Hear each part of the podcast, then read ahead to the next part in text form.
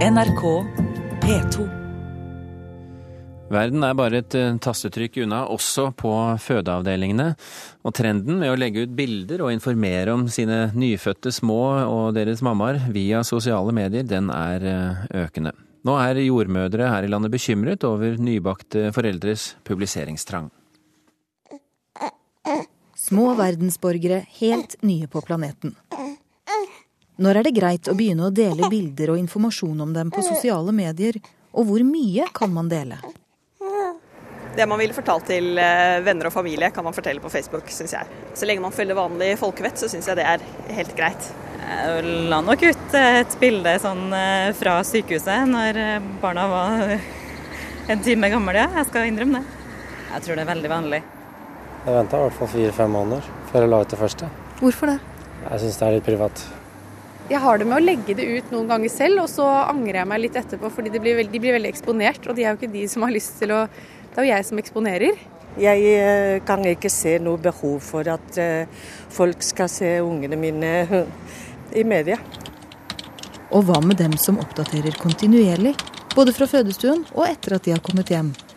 Det er jo imponerende at de har tid til det, men hvis de, hvis de syns det er morsomt, så må det være i orden, syns jeg.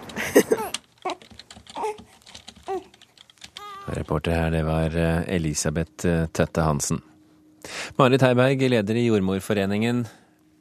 Hva er det dere er bekymret for? Det at det tas bilder under fødsel er jo ikke noe nytt. Det har man jo sett i mange år. Eh, man har også vært veldig populært det å filme underveis, særlig for pappaene. da. Men det vi ser en økende tendens til, er at det brukes mer og mer sosiale medier underveis i fødselen, også de første døgna etterpå. Og noen ganger så kan dette ta litt av. At man får, Facebook får mer oppmerksomhet enn kanskje den fødende mor f.eks.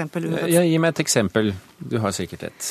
Det hender at pappa sitter store deler under fødselen og er mer opptatt av å oppdatere status på Facebook enn å kanskje være ved mors side. Så det hender jo at de får seg noen stygge ord. Hvem, hvem er det dette går utover? Dette går utover selvfølgelig eh, mor i dette tilfellet, eh, men det går også utover barn i noen tilfeller, eh, nyfødte barna til å begynne med. Rett og slett fordi man er så opptatt å være på hele tida og legge ut. Og det er jo veldig hyggelig da, å få alle disse likesene, men av og til så kan det bli litt lite oppmerksomhet til det nyfødte barnet. Astrid Valen Utvik, blogger og kommunikasjonsutvikler i firmaet Valen Utvik. Du har selv tre barn, og hva mener du om denne bekymringen fra Jordmorforeningen?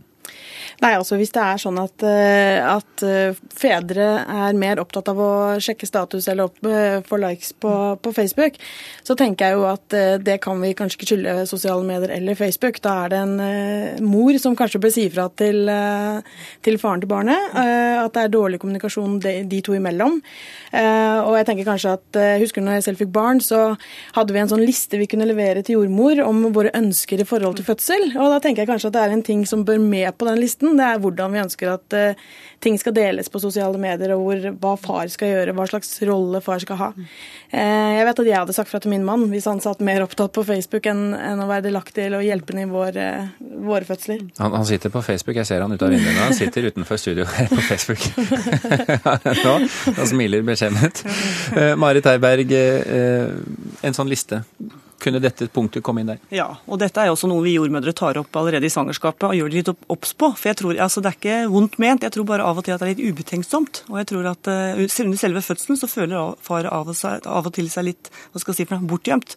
Vet ikke helt uh, hva man skal gjøre, og så blir man kanskje litt opphengt i den type ting. Tidligere så gjemte de seg Så får de en oppgave, liksom? Ja, på en måte, men det er jo mange andre oppgaver de kan ha under den fødselen. da.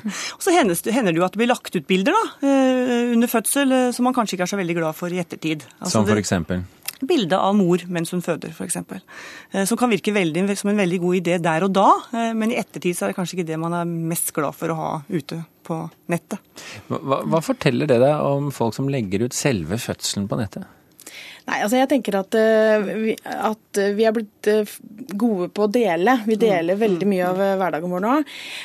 Og det er klart at dette er et, fortsatt et nytt medie. Vi, ingen av oss har vokst opp med dette her. Og det er, det er nok mange som kanskje ikke har helt de grensene og rammene som etter hvert vil virke veldig naturlig for folk.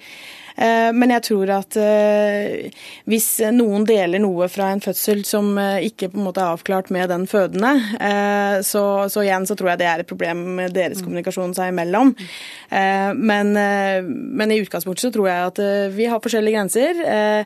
Noen Jeg har ikke sett veldig mye av, av liksom selve fødselen bli delt i de Det er liksom mer når barnet er født. Men, men kan det ha noen positive sider også, dette med sosiale medier? eh, under og gjennom fødselen?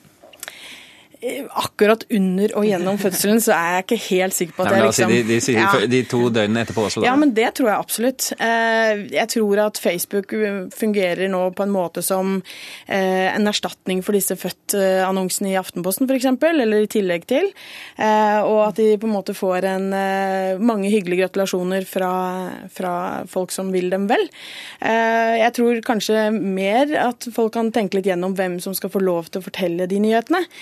Eh, hvis du har fått en SMS av eh, din søster om at hun har født, så er det ikke du som skal fortelle det på Facebook, det er fortsatt din søster. Sånn at, eh, at ikke den som sitter, kanskje ligger på fødestua, ikke har fått delt nyheten selv. Jeg tror det er kanskje en større utfordring enn enn det at de deler. Mm. Marit Heiberg, multitasking. Ja. Amme mens man tvitrer og sover ja. samtidig. Det er jo gjerne sånn da, vet du, at det nyfødte barnet er veldig våkent rett etter fødselen, kanskje et par timer, og så legger de seg gjerne til å sove. Eh, og da er mor gjerne ganske utslitt, og kanskje også skal ha behov for litt søvn. Eh, og det ser vi også at eh, leggetidene på barselavdelingen har jo gått veldig ned. Og av og til så blir jo Hva, hva mener du at de har gått ned? Hvor, ja, altså Tidligere så lå man jo kanskje opp til en uke på sykehus oh, ja, etter sånn, fødsel, ja. og nå er det Klokken er ni, nå skal du legge deg. Det var ikke nei, ny leggetid. Ja, nei, nei, nei. nå ligger man kanskje et døgn eller to. Er man heldig så får man tre. Og det er klart at det å få litt tid med det nyfødte til å begynne med, og bli kjent med hvem er dette mennesket da, som har kommet, det er jo en fantastisk tid. Eh, det er vi litt opptatt av. Eh, og det er klart at det å legge ut et bilde eller sende ut en melding, det er jo ikke det vi er ute etter, men det er de tilfellene hvor det tar litt av, og hvor selve det sosiale mediet blir på en måte en hva skal jeg si, for en litt sånn hinder for at denne familien vil bli kjent med dette barnet og være litt eh, rusta til å kunne reise hjem og leve livet videre. Som du sier, Astrid Valen Utvik, så er det jo eh, Folk har jo forskjellige grenser. Men hvis vi skal prøve å gi dem noen generelle råd eh, i la oss si døgnet før og to-tre døgn etterpå i forhold til fødselen, hvordan bør man forholde seg til sosiale medier? Nei, jeg tror, jeg tror, som sagt at det er eh, veldig forskjellig fra de forskjellige menneskene. Eh, vi har forskjellige grenser og, og hva vi syns er naturlig. Men jeg tenker at eh, at man gjør noe som man føler man kan stå for, også eh, over tid. At man er bevisst på at det, bildet du deler er ikke av deg selv, det er kanskje av eh, babyen din, og hvordan det bildet skal se ut, og at man har et litt sånn bevisst forhold til det. Um, at man kanskje orienterer eh, omgivelsene sine i forkant og sier at dette er en nyhet vi har lyst til å dele, at ikke det er noen andre som skal publisere noe. Det er jo ikke alle fødsler som går helt smertefri, det er noen som kan bli liggende på sykehus og mm. Sånn at man har eh, Jeg tror at mye ordnes med sunn fornuft og god folkeskikk. Og jeg hører mer kanskje som at eh, jordmødre har fått en ekstra oppgave i forhold til dette. Og de tilfellene hvor det er eh, veldig mye sosiale medier, de tenker jeg kanskje at de, det er de som bør rådgis litt, da. Mm. Mm. Er det noe dere kommer til å gjøre i Jordmorforeningen? Ja, altså vi, vi, forbereder jo de gravide og det, de kommende foreldrene allerede i svangerskapet på dette her. Og det handler jo alt med måte, pleier jeg å si. Mm. Det er ikke sånn at vi ønsker noe forbud, eh, men vi ønsker ikke noe sånn overeksponering heller. Tenk igjennom hva man gjør.